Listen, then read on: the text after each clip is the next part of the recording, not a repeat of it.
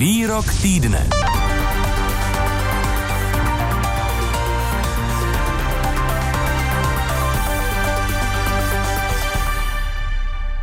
Kancléř Vratislav Minář se ve čtvrtek ohradil proti podezřením, že by někdo sfalšoval podpis prezidenta Miloše Zemana na dokumentu o svolání nové sněmovny. Poslechněme si výrok týdne.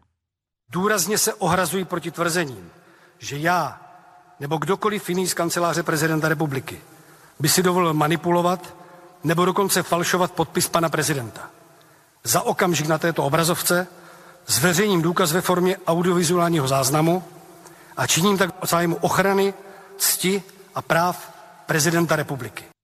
Tolik vedoucí kanceláře prezidenta republiky Minář. Videozáznam s prezidentem Milošem Zemanem, jak v nemocnici podepisuje dokument o svolání nové sněmovny za přítomnosti jejího končícího předsedy Radka Vondráčka zahnutí ANO, tak tím videozáznamem chtěl vedoucí kanceláře Vratislav Minář dokázat, že prezident je schopen jednat o své vůli. Situací kolem hlavy státu se zabývá policie a také vojenské spravodajství a bezpečnostní informační služba. Hostem výroku týdne, tedy tím pádem odpoledního plusu, je teď po telefonu Marek Orkovácha, teolog, etik a přednosta Ústavu etiky a humanitních studií třetí lékařské fakulty Univerzity Karlovy. Dobrý den. Dobrý den. Z pohledu etického, jak vnímáte postupy jednání spolupracovníků Miloše Zemana v posledních dnech a týdnech? Eh, vnímám je tak jako všichni občané této republiky s určitým údivem, co je ještě možné v České republice protože eh, kancléř Minář proslul těmi výroky, že tu a tam řekl, že něco je hyenismus, tu a tam, že něco je Eh, neetické a dokonce na adresu předsedy Horní komory Miloše Vystrčila, že eh, něco takového v životě nezažil. Já si myslím, že tohle všechno se obrací nyní proti němu že my občané České republiky teď můžeme říct, že takové jednání, jaké jsme eh, viděli a jakého jsme svět na trestně stíhaném kancléři Vrtislavu Mináři bez prověrky, Eh, tak jsme skutečně ještě v životě neviděli, že to, co říká, je samo hluboce neetické a že pokud se tady někdo dopouštěl v těch minulých dnech nebo týdnech toho takzvaného hyenismu, pak je to, pak je to on sám. To čtvrteční vystoupení, ze kterého jsme pustili citaci, vystoupení vedoucího hm, kanceláře prezidenta republiky, pana Mináře, a to jeho vyjádření, že jednal v souladu s přáním prezidenta, a tak dále a to, že vlastně ukázal tedy novinářům a tím pádem veřejnosti nějaký záznam z jednotky intenzivní péče, kde pan prezident zkrátka se léčí. Na to se díváte jak? No, eh, je potřeba říct, že tady v tom posledním měsíci vznikl obraz těch dvou prezidentů. Eh, ten reálný prezident Miloš Zeman naposled něco řekl na kameru 22. září, to byl ten výrok jsem drastkový muž, a potom jsme vás viděli až tady toto video, na kterém Miloš Zeman co si říká a jediné, co nám to video přineslo, je uh, věc, že Miloš Zeman je schopen se podepsat, ale nic víc z toho videa uh, patřičné není. Na straně druhé uh, to video samotné je teda pozoruhodné a taky komentované tím, že jestli jako na jednotce intenzivní péče najednou je pět lidí, nemocnice o tom nemá ani pozuchy, těch pět lidí je bez roušky, tak, tak je to co si, co, co si moc jako neumím představit v tom běžném eh, provozu jípky a není divu, že, že lékaři, kteří se starali o, a starají o Miloše Zemana, tak začali teda velmi silně protestovat a obrátili se na policii. No a eh, to je ten reálný Miloš Zeman. Ten druhý Miloš Zeman eh, byl prezident, kterému vlastně se jenom trošku přitížil. Slyšeli jsme, že byl jenom mírně dehydratovaný a mírně unavený, no a tak jel do té nemocnice si odpočinout. Teď jsme se dozvěděli tu zprávu, že eh, tu eh, obě dva meruňkové buchty, pak jindy vinou klobásu, tak si člověk říká, tak jestli 77-letý diabetik na jednotce intenzivní péče obě dva buď meruňkové buchty nebo vinou klobásu, tak pak se ta nemocnice buď úplně zbláznila, anebo mluvčí prezidenta leže. A jedno z toho musí být pravda. Potom jsme najednou zjistili, že, že v pátek 15. října uh, kancléř Minář říkal, vyvrátím všechny lži, osočil uh, šéf Senátu Miloše Vystrčila z toho, že se chce zviditelnit.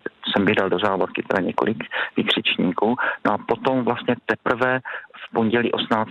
října přichází ty tři zprávy z UVNky, které v podstatě kancléři Minářovi zlomili vás. Ta první zpráva je, že prezident není schopen vykonávat svůj úřad. Ta druhá zpráva je, že jeho uh, prognóza je krajně nejistá, návrh do prezidentského úřadu málo pravděpodobný. Moc prosím čtěme mezi řádky. A za třetí, že tyto dvě skutečnosti byly sděleny kancléři již 13. října, takže on když potom o den později tam přivedl šéfa sněmovny Vondráčka, tak už věděl, že prezident je v pracovní neschopnosti.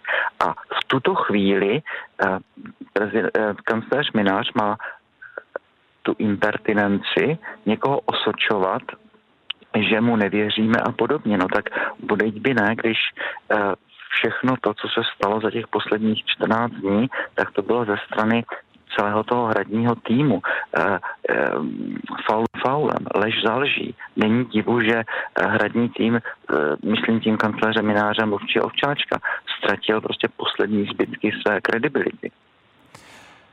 Vratislav Minář ve svých mediálních vyjádřeních v těch vystoupeních eh, také mm, osočil Senát, že je to Senát a předseda Senátu, pan Vystrčil z ODS, eh, kteří jednají neeticky. Eh, jedná Senát neeticky v této no, věci? Uh jedná velmi dobře, jedná velmi eticky, ba naopak, eh, zkusme si jenom představit ten scénář, kdyby nebylo Senátu a kdyby nebylo Miloše Vystrčila a jeho páteční intervence, kdy se dotázal eh, nemocnice, jaká je pravá podstata věcí, co by se tak dělo. Takže najednou jsme viděli v přímém přenosu, jak moc je pro tento národ horní komora důležitá a jak moc je důležitá rozhodnost eh, šéfa Senátu Miloše Vystrčila. Pochopitelně, že kancléř Minář hrál pokr a snažil se ještě na poslední chvíli eh, tady toto odvrátit, protože věděl velmi dobře, co UVNK řekne. No a ona to potom v pondělí skutečně ta řekla a bylo to odpoledne zveřejněno. Takže jestli tady někdo jedná neeticky, tak je to kancléř Minář a jeho tým a nikoli Senát, který se zachoval uh, vlastně tak, jak by měl jako pojistka demokracie. Šéf Senát udělal, co měl a chtěl bych rovněž ocenit vysoce uh, profesionální přístup uh, ústřední vojenské nemocnice, která když řekla tady tyto tři body o prezidentovi, tak řekla přesně to, co měla. Nezdělila žádné podrobnosti diagnózy, o tom tedy nechť spekuluje veřejnost, ale řekla přesně ty věci, které my jako občané potřebujeme vědět. Prezident není způsobilý, prognóza nejistá, návrat do funkce krajně nepravděpodobný a tyto skutečnosti byly sděleny uh, kancléři Minářovi 13. října. Domnívá se teolog a etik Marek Korkovácha. Děkuji vám za váš čas věnovaný odpolednímu plusu. Děkuji za pozvání, mějte se pěkně. A na už řečené naváže dál ve výroku týdne novinář a politolog Vratislav Dostál, který působí v internetovém deníku Info.cz mimo jiné. Dobré odpoledne. Dobrý den vám i vašim posluchačům. Pokud by prezident Miloš Zeman v dlouhodobém horizontu nemohl vykonávat svůj úřad a osobně mu samozřejmě přejeme jenom dobré uzdravení, ale pokud by nemohl úřad vykonávat, či se rozhodl odejít ze své funkce eh, na odpočinek do důchodu, jak rychle by začala předvolební kampaň na novou hlavu státu, anebo ta už běží? No z části se ta situace jeví tak, že u některých aktérů už eh, ta kampaň běží. V každém případě eh, by podle mé, mého soudu ty volby byly celkem rychlé, nebo podle ústavy. Eh, vypsány by měly být do 30 dnů s tím, že se musí konat potom do dalších 90 dnů. To znamená v řádu nějakých 3 až 4 měsíců by se konaly prezidentské volby. Už nějaký čas se spekuluje o možné kandidatuře stále ještě současného premiéra Andreje Babiše zahnutí ANO. Nakolik je to reálné? Mně se ta situace jeví naprosto jasně. Já si myslím, že on e, vlastně už před volbami a za, před, především po volbách nasadil úplně jinou, jiný tón, pře, e, úplně se přeorientoval na jinou roli. E, začal být velice smířlivý, až bych řekl státnický a několikrát zopakoval, že nebude stát e, vůli voličů v cestě pot, potom dokonce explicitně řekl, že pokud by jej prezident Miloš Zeman pověřil sestavením vlády, takže to pověření odmítne. To znamená, že já myslím, že on už se rozloučil s tím, že by mohl ještě eh, v rámci nějakého šprajcu nebo nějaký, nějaký přetahované eh, být ještě premiérem a naprosto se přeorientoval na to, že se pokusí eh, vyhrát prezidentskou volbu.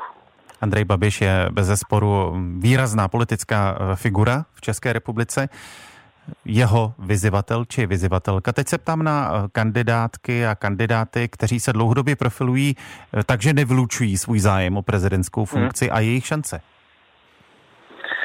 Prezidentská volba je specifická v tom, že je to Eh, většinová volba dvoukolová. Jo? A tam je potřeba říct, že první kolo je naprosto jiná disciplína než to kolo druhé. A to e, ze dvou důvodů. V tom prvním kole vy se potřebujete dostat mezi první dva kandidáty, kteří postupují do druhého kola, v čemuž vám může stačit za jistých okolností klidně i 15-16% hlasů. Ale v tom druhém kole vy potřebujete nadpoloviční většinu hlasů. To znamená, že musíte být schopen oslovovat voliče, kteří vás v tom prvním kole nevolili.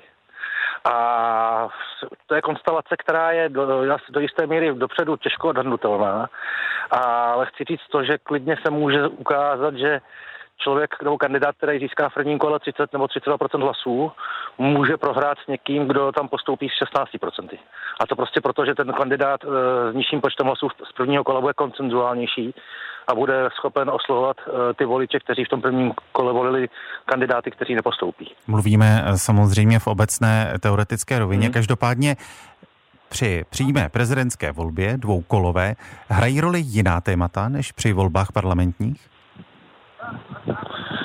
Tak já myslím, že ta společnost eh, česká přece jenom k tomu úřadu prezidenta eh, se na něj eh, dívá jinak než na, na to, co se děje v poslanecké sněmovně, na tu standardní každodenní politiku. Takže jistá, jistý parametry toho kandidáta očekává ale je taky pravda, že, že s tím, jak eh, od roku 2013 máme přímo prezidentskou volbu, tak přece jenom eh, se to proměňuje. Jo? Vlastně já si moc dobře vzpomínám, že ještě rok před první přímo prezidentskou volbou prakticky nikdo eh, z expertů neodhadoval, že by mohl vyhrát Miloš Zeman a jemu se to podařilo. Říká novinář a politolog Vratislav Dostále, který působí v internetovém deníku Info.cz. Děkuji za rozhovor. Děkuji moc, mějte se pěkně, naschledanou.